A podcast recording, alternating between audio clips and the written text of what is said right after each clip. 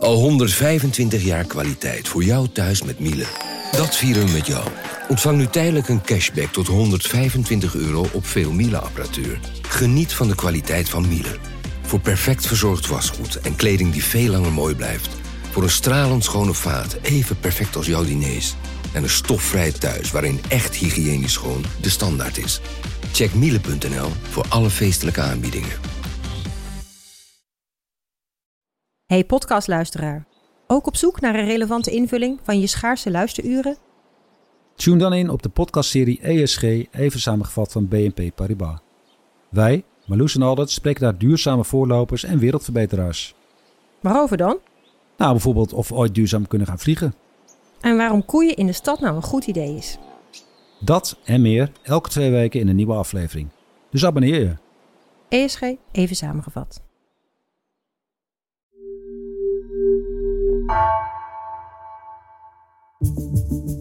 Vanaf de redactie van NRC het verhaal van vandaag.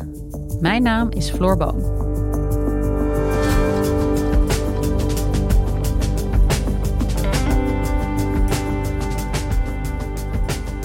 Frank Fiek bekende in 1994 zijn eigen schoonvader te hebben doodgestoken tijdens een vakantie in het Noord-Hollandse Petten. Hij werd er in der tijd ook voor veroordeeld. Maar nu zijn er sterke aanwijzingen dat zijn afgelegde verklaringen vals zijn. Binnenlandredacteur Bram Endendijk zocht uit hoe dat kon gebeuren.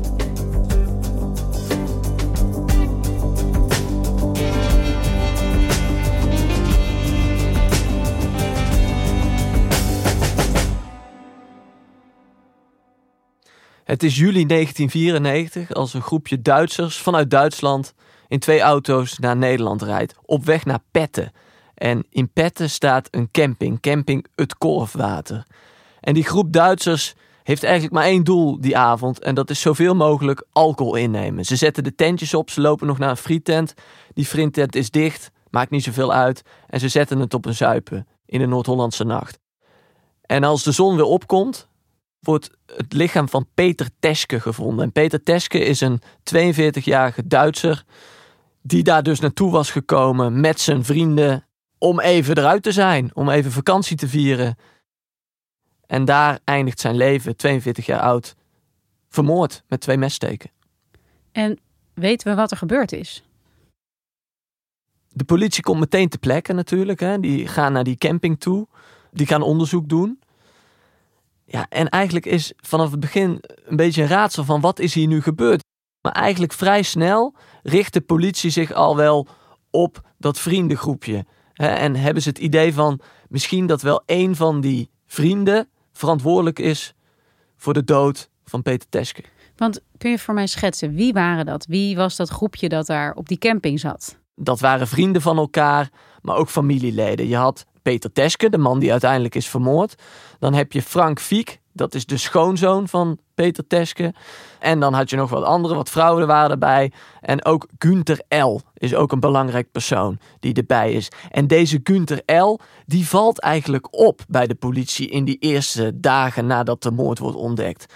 De politie hoort van campinggasten dat deze Günther L. in die nacht waarin het gebeurd zou zijn, gezien is in het toiletgebouw. Dat hij zelfs een mes bij zich zou hebben. Dat hij een beetje rond zou lopen. Ja, het voelt een beetje verdacht. Dus de politie nodigt die Gunther uit op het bureau om hem eens aan de tand te voelen. Gunther ontkent. Die zegt, ja, ik heb hier helemaal niks mee te maken. En dan gebeurt er iets bijzonders in de zaak. Eigenlijk iets wat de hele zaak, zelfs nu nog, hè, meer dan 25 jaar later, totaal op zijn kop zet.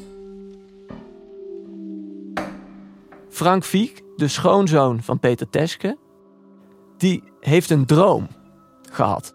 En daar vertelt hij zijn vrienden over. Wat heeft hij gedroomd? Dat hij met de mes op zijn schoonvader, dus op Peter Teske, is gevallen. En hij droomt dus eigenlijk dat hij de dader is. En dat verhaal komt uiteindelijk terecht bij de politie. En die denken: dit is wel heel vreemd. Is dit nou een, echt een droom of is dit een bekentenis?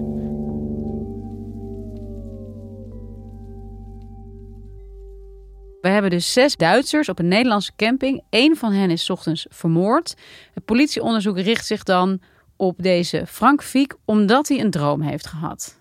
Ja, uiteindelijk wordt Frank Fiek in totaal 19 keer verhoord, waarvan slechts twee keer zijn advocaat bij aanwezig is. Mag dat? In die tijd gebeurde dat wel vaker. Tegenwoordig heeft de politie veel meer zorgplicht om ervoor te zorgen dat er ook daadwerkelijk een advocaat is. Maar die was er toen niet.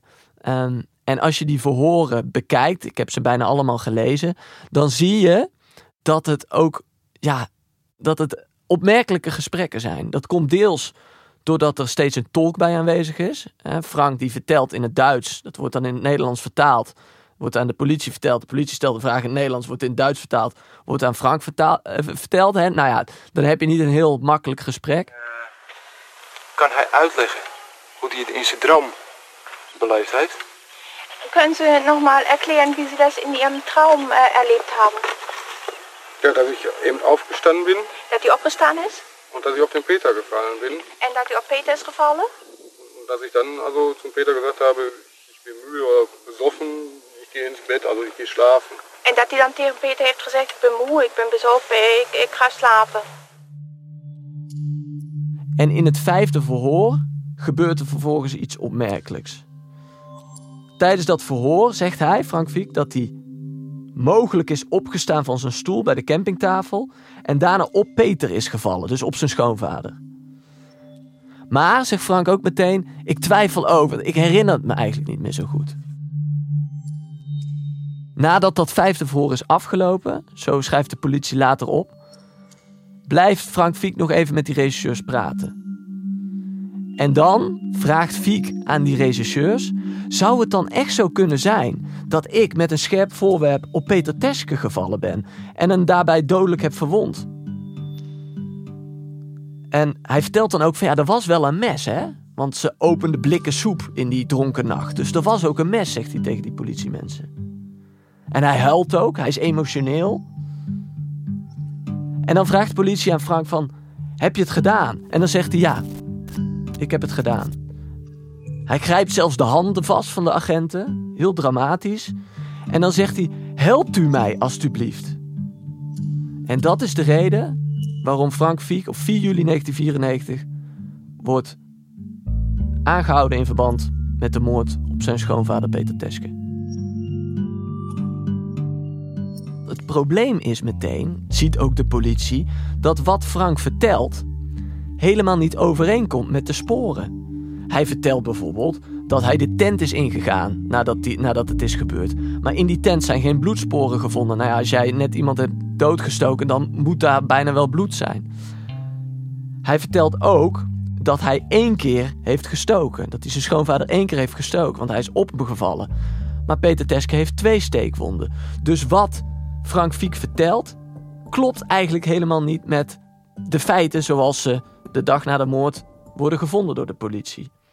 De politie confronteert hem dan met een aantal zaken die niet helemaal overeenkomen met hoe dat hij dat heeft verklaard. En dan zegt Frank Fiek: Als u zegt dat hij meer dan één steekwond heeft, dan concludeer ik dat hij meerdere steekwonden heeft. Dit betekent dus dat ik hem zou hebben neergestoken en niet op hem ben gevallen. Het kwam de aussage dat ik als ik van de politie mitgeteilt bekommen habe, dat Peter meer als een stichwunde sollte. Eh, het kwam dus tot deze verklaring eh, toen eh, die meegenomen was door de politie. En de politie gezegd dat Peter meer dan één steekwond had. En dan heb ik gezegd, dan moet ik hem gestochen hebben.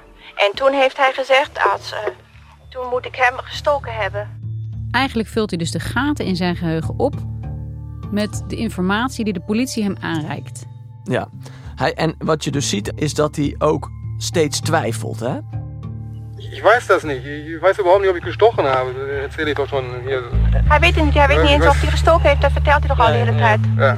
Ja, maar je hij vertelt aan de ene kant dat hij het heeft gedaan, maar dat komt dan weer niet overeen met de feiten. Daarna twijfelt hij weer. Het is geen eenduidig verhaal dat Frank Fiek vertelt. Nogmaals. Zegt hij nog eens? Dat waren voor mij Schlussfolgerungen. Dat waren voor hem conclusies.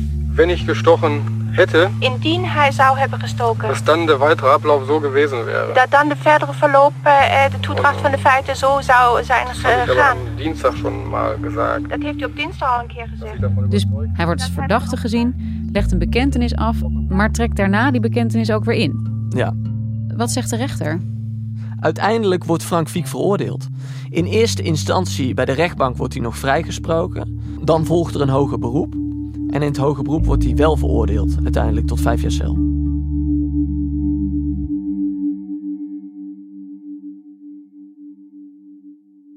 Hey Abraham, waarom hebben we het hier nu over? Dit is een zaak van ruim 26 jaar geleden. Waarom praten we hierover? We praten hierover omdat Frank Fiek vanaf het moment dat hij in hoger beroep is veroordeeld, eigenlijk altijd heeft volgehouden dat hij onschuldig is. Dat hij weliswaar heeft gezegd in die verhoren dat hij het heeft gedaan, maar dat dat valse bekentenissen waren. En dat hij het niet heeft gedaan. En hij is sinds een aantal jaar met een Nederlandse advocaat, Niels van Schaik, eigenlijk aan het strijden om zijn veroordeling ongedaan te maken. Wat er dan gebeurt, is dat de ACAS, dat is een adviescommissie afgesloten strafzaken, dat die de zaak eigenlijk onder de loep nemen. Die bekijken het dossier, die spreken met betrokkenen en die trekken de conclusie van nou, in deze zaak is misschien wel nader onderzoek nodig. Misschien moeten die verhoren nog eens onder de loep worden genomen.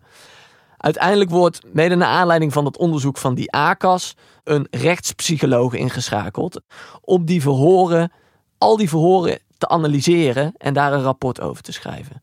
En die rechtspsychologen schrijven vervolgens een rapport dat een heel nieuw blik werpt eigenlijk op deze zaak. Want wat staat daarin? In dat rapport staat dat er sterke aanwijzingen zijn dat de bekentenissen die Frank Fiek in de jaren 90 tegenover de Nederlandse politie heeft afgelegd, vals zijn. Dus er bestaat is een gerede kans dat deze Frank Fiek, die veroordeeld is voor deze moord, de moord helemaal niet heeft gepleegd. Zeker omdat er los van zijn verklaringen nauwelijks eigenlijk bewijs is tegen deze Frank Fiek. Dus hij is echt veroordeeld op basis van zijn verklaringen. En als die verklaringen dan vals blijken te zijn, ja, dan is natuurlijk de logische vervolgvraag: betekent dat dus ook dat Frank Fiek onschuldig is? Dat hij die moord niet heeft gepleegd? En waar is dit onderzoek op gebaseerd? Deze rechtspsychologe, Melanie Sauerland, eh, die buigt zich dus over de verhoren van die Frank. Uh, en die gaat eigenlijk kijken van, ja, uh, zitten hier kenmerken in hè, die we kennen vanuit de literatuur, vanuit de wetenschap, die doen denken aan valse verklaringen. En dat blijkt het geval. De verklaringen van Frank Fiek bevatten volgens uh, Melanie Sauerland twaalf verschillende kenmerken die gebruikelijk zijn bij valse bekentenissen. Dan moet je bijvoorbeeld denken aan het feit dat Frank Fiek opgesloten zat, zonder dat hij contact had hè, met vrienden of familie. Dat hij meerdere keren per dag, meerdere uren werd ondervraagd, bijna altijd zonder advocaat. Dat hij geëmotioneerd was, volledig meewerkte, dat hij droomde dat hij de dader was. En, zo schetst zij in dat rapport, waarschijnlijk had Frank Fiek ook last van iets dat memory distrust heet. En dat is een toestand waarin mensen grote twijfels krijgen over de dingen die ze zich herinneren. Waardoor ze dan uiteindelijk heel gevoelig zijn voor aanwijzingen en suggesties van buitenaf. En die suggesties en aanwijzingen van buitenaf, concludeert deze rechtspsychologe, die zijn in de verhoren heel veel aangereikt. De politie komt met heel veel suggesties eigenlijk. Die zeggen veel dingen waardoor Frank kan gaan twijfelen. Maar die zeggen bijvoorbeeld dingen, zo zou je het gedaan kunnen hebben, Frank. En op basis daarvan gaat hij dan zelf zeggen dat hij het zo gedaan heeft. Inderdaad. De voren zeggen dat dan tegen hem. Die zeggen, nou Frank, er is helemaal geen bloed gevonden in die tent. Hoe kan dat dan? En dan zegt Frank, ik denk daar nu over na. Ik zeg u dan dat ik dan waarschijnlijk naar de wasruimte ben geweest, mijn handen heb gewassen en toen de tent ben ingegaan. Dus omdat de politie eigenlijk zegt, nou, wat jij nu vertelt, dat, dat kan niet, verandert hij zijn verklaring. En dat is een voorbeeld volgens die rechtspsychologen van ja, uh, dat zijn verklaringen daardoor misschien niet helemaal te vertrouwen zijn. Dus Frank Fiek legt bekentenissen af, waar hij vervolgens weer op terugkomt. En hij vormt zijn verhaal eigenlijk naar de feiten of naar nieuwe dingen die de politie hem aanreikt. Wat doet de politie hier allemaal mee? Als je die verhoren leest, dan lijkt het er in ieder geval niet op dat de politie daardoor ook gaat twijfelen van, ja, hebben we hier met iemand te maken die iets bekend wat hij helemaal niet heeft gedaan. Je ziet eigenlijk in die verhoren dat ze er, nou ja, soort van van uitgaan dat hij het heeft gedaan, hè, dat hij de dader is. En dat, dat merk je ook door opmerkingen die regisseurs maken in die verhoren. Die zijn ook genoteerd. En dat zijn opmerkingen in de trant van ja, niet zo ouwe hoeren, beste Frank. Je hebt het gewoon gedaan en dat heb je al verklaard. Dus wat loop je nou te zeggen over dat je het niet helemaal meer weet of dat je twijfelt? Jongen, jongen, je bent een vent van 32. Je weet toch zelf al wat je doet? Het moet over zijn met die grapperij. Waar de politie zich over verbaasd heeft, is dat jullie op zaterdagmorgen de bek niet opentrekken. Of zit je de boel alleen maar te besodemieteren? Ik heb er één woord voor. Het is gelul. Denk er nog eens over na. Niet zo makkelijk doen. Ze geloven hem niet. Ze geloven hem eigenlijk alleen als hij zegt dat hij het heeft gedaan.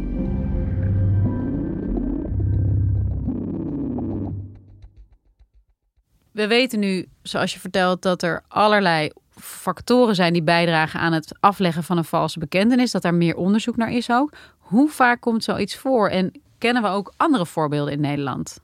Er zijn meer voorbeelden, vooral uit de jaren negentig, van zaken waarin, nou ja, uh, waarin er mogelijk sprake is van valse bekentenissen. En als je die zaken bekijkt, wat dan opvalt, is dat dat bijna altijd zaken zijn waar mensen langdurig worden verhoord hè, door de politie. Best wel met de druk erop. Vaak ook zonder advocaat, waarvan je later eigenlijk kan zeggen van ja, ze hebben dat toen wel verteld. Maar ze hebben iets verteld wat helemaal niet klopt. Een voorbeeld daarvan is bijvoorbeeld Ina Post. Dat was een voormalige bejaardenverzorgster die in 1987 werd veroordeeld voor eh, de doodslag op een 89-jarige vrouw. Dames en heren, goedenavond. Een volledig eerherstel voor bejaardenverzorgster Ina Post. Zes jaar lang zat ze in de gevangenis omdat ze een bejaarde vrouw zou hebben vermoord. Post legde drie bekentenissen af, maar later zei ze dat ze de moord niet had gepleegd. Alle bezwaren van haar advocaat werden door het Hof van tafel geveegd. Tot de president aankwam bij haar bekentenissen. Die zijn onvoldoende betrouwbaar omdat Post een acute stressstoornis had nadat ze was opgepakt.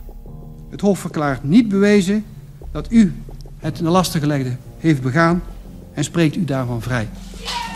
Je hebt ook de Arnhemse Villa-moord uit 1998. Hè. Die zaak wordt nu weer onder de loep genomen. Daar zijn uiteindelijk negen mensen voor veroordeeld.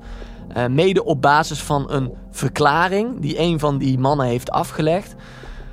Waarvan, als je die verhoren ziet, ja, het idee hebt van dit is iets wat echt door de politie is aangereikt. Hè? Ja, zeg dat dan. Maak je niet zo moeilijk. Wat was dat voor auto? Je kent auto's goed. Wat voor kleurauto? Geen Mitsubishi. Je weet wat voor auto dat was. Waar moet je daar nou zo over nadenken? Welke auto? Voor Scorpio Blauw. Nee, niet voor Scorpio Blauw. Ja, blauw is goed. Zal je helpen. Nou, wat je wel ziet is dat er zijn wel lessen getrokken uit het verleden. Misschien ook door professionalisering, door, de, door nieuwe inzichten. Waardoor een situatie als waar Frank Fiek in zat, namelijk ja, gewoon urenlang zonder advocaat te worden doorgezaagd, dat zal niet zo snel meer gebeuren. Hey, en hoe nu verder met Frank Fiek? Want hij is veroordeeld, hij heeft een gevangenisstraf opgelegd gekregen. Heeft hij die uitgezeten? Welke gevolgen heeft dat gehad voor hem? Frank Fiek heeft een gedeelte van zijn gevangenisstraf uitgezeten. Drie jaar. Toen kreeg hij verlof. En toen is hij weer naar Duitsland vertrokken. Uh, uh, en daar zit hij nu nog steeds. Dus hij moet eigenlijk nog een gedeelte van die straf uitzetten. Dat is voor een klein gedeelte ook de reden waarom hij dit doet. Hè. Hij kan natuurlijk nergens naartoe. Hij kan niet naar het buitenland. Maar voor het grootste gedeelte is de reden dat hij dit doet... omdat hij ja, niet meer als moordenaar te boek wil staan. Zijn advocaat Niels van Schaik vertelde me dat hij in zijn dorp weten mensen dit. Hè? Dus mensen zien hem ook nog steeds als een moordenaar. En daar wil hij van af, omdat hij zegt: dat ben ik niet. Ik ben geen moordenaar, want ik heb het niet gedaan. Hij is dus bezig. Hij uh, wil die zaak opnieuw voor de Nederlandse rechter. Hij wil zijn onschuld bewijzen. Maar de hamvraag is dan natuurlijk: als hij het niet heeft gedaan, wie dan wel? Dat klopt. En daar zijn wel wat interessante dingen in te vertellen, zonder hier nou iemand als moordenaar te bombarderen. Maar wat opvalt is dat Günther L., hè, als de luisteraar zich dat nog herinnert, de man die helemaal aan het begin als eerste door de politie naar het bureau werd gehaald, um, die speelt toch een opmerkelijke rol in dit hele verhaal. Wat is namelijk het geval? Een aantal mensen hebben in de loop van die 25 jaar sinds die moord is gepleegd wel eens laten vallen dat Günther tegen hen zou hebben gezegd dat hij het was. Dat hij de moordenaar zou zijn geweest. Er bestaat zelfs een dagboekfragment van een van de reisgenoten. waarin diegene schrijft dat, quote, Günther Peter heeft vermoord, maar dat hij nog niet in de gevangenis zit. En nou ja, dat is wel een opvallende passage. Het bewijst natuurlijk helemaal niet dat het ook zo is. Nee, is dit niet net zo weinig bewijs als een droom, zou ik eigenlijk zeggen? Dat klopt. En we moeten ook daarmee uitkijken. Hè. We moeten nu ook niet het idee hebben dat Günther het heeft gedaan. Maar er zijn wel wat aanwijzingen die zouden kunnen wijzen in de richting van hem. Het probleem daarbij is dat Günther L. niet meer leeft. Is in 2009 overleden. Dus dat maakt het natuurlijk nou redelijk complex. En hoe gaat de zaak nu dan verder? Frank Fiek wil dus zijn onschuld bewijzen. Wat, is er, wat staat hem te doen? Wat gaat er gebeuren? Niels van Schaik, de advocaat van Frank Fiek, die heeft een herzieningsverzoek ingediend bij de Hoge Raad. En er is een kans dat de advocaat-generaal bij het pakket van de Hoge Raad deze week met een soort van advies komt. Dat noemen ze een conclusie over deze zaak. En dat kan er uiteindelijk toe leiden dat deze zaak opnieuw wordt gedaan. Stel je voor dat de Hoge Raad beslist dat deze zaak herzien moet worden. En uiteindelijk blijkt dat Frank Fiek onschuldig is. Of in ieder geval dat zijn bewijs niet volstaat. Wat zou dit betekenen ook voor de Nederlandse rechtspraak? Dat betekent dat er dan. Dan is iemand een moordenaar geweest, eigenlijk bijna zijn hele leven. Terwijl uiteindelijk wordt bepaald van dat was niet terecht. Ja, en dat kun je een gerechtelijke dwaling noemen. Dus grote kans dat we ook binnenkort hier weer iets nieuws over horen. Dit verhaal is nog lang niet klaar. Dankjewel, Bram. Graag gedaan. Je luisterde naar vandaag, een podcast van NRC. Eén verhaal, elke dag. Deze aflevering werd gemaakt door Anna Korterink en Jeppe van Kesteren. Chef van de audioredactie is Anne Moraal. Dit was vandaag. Morgen weer.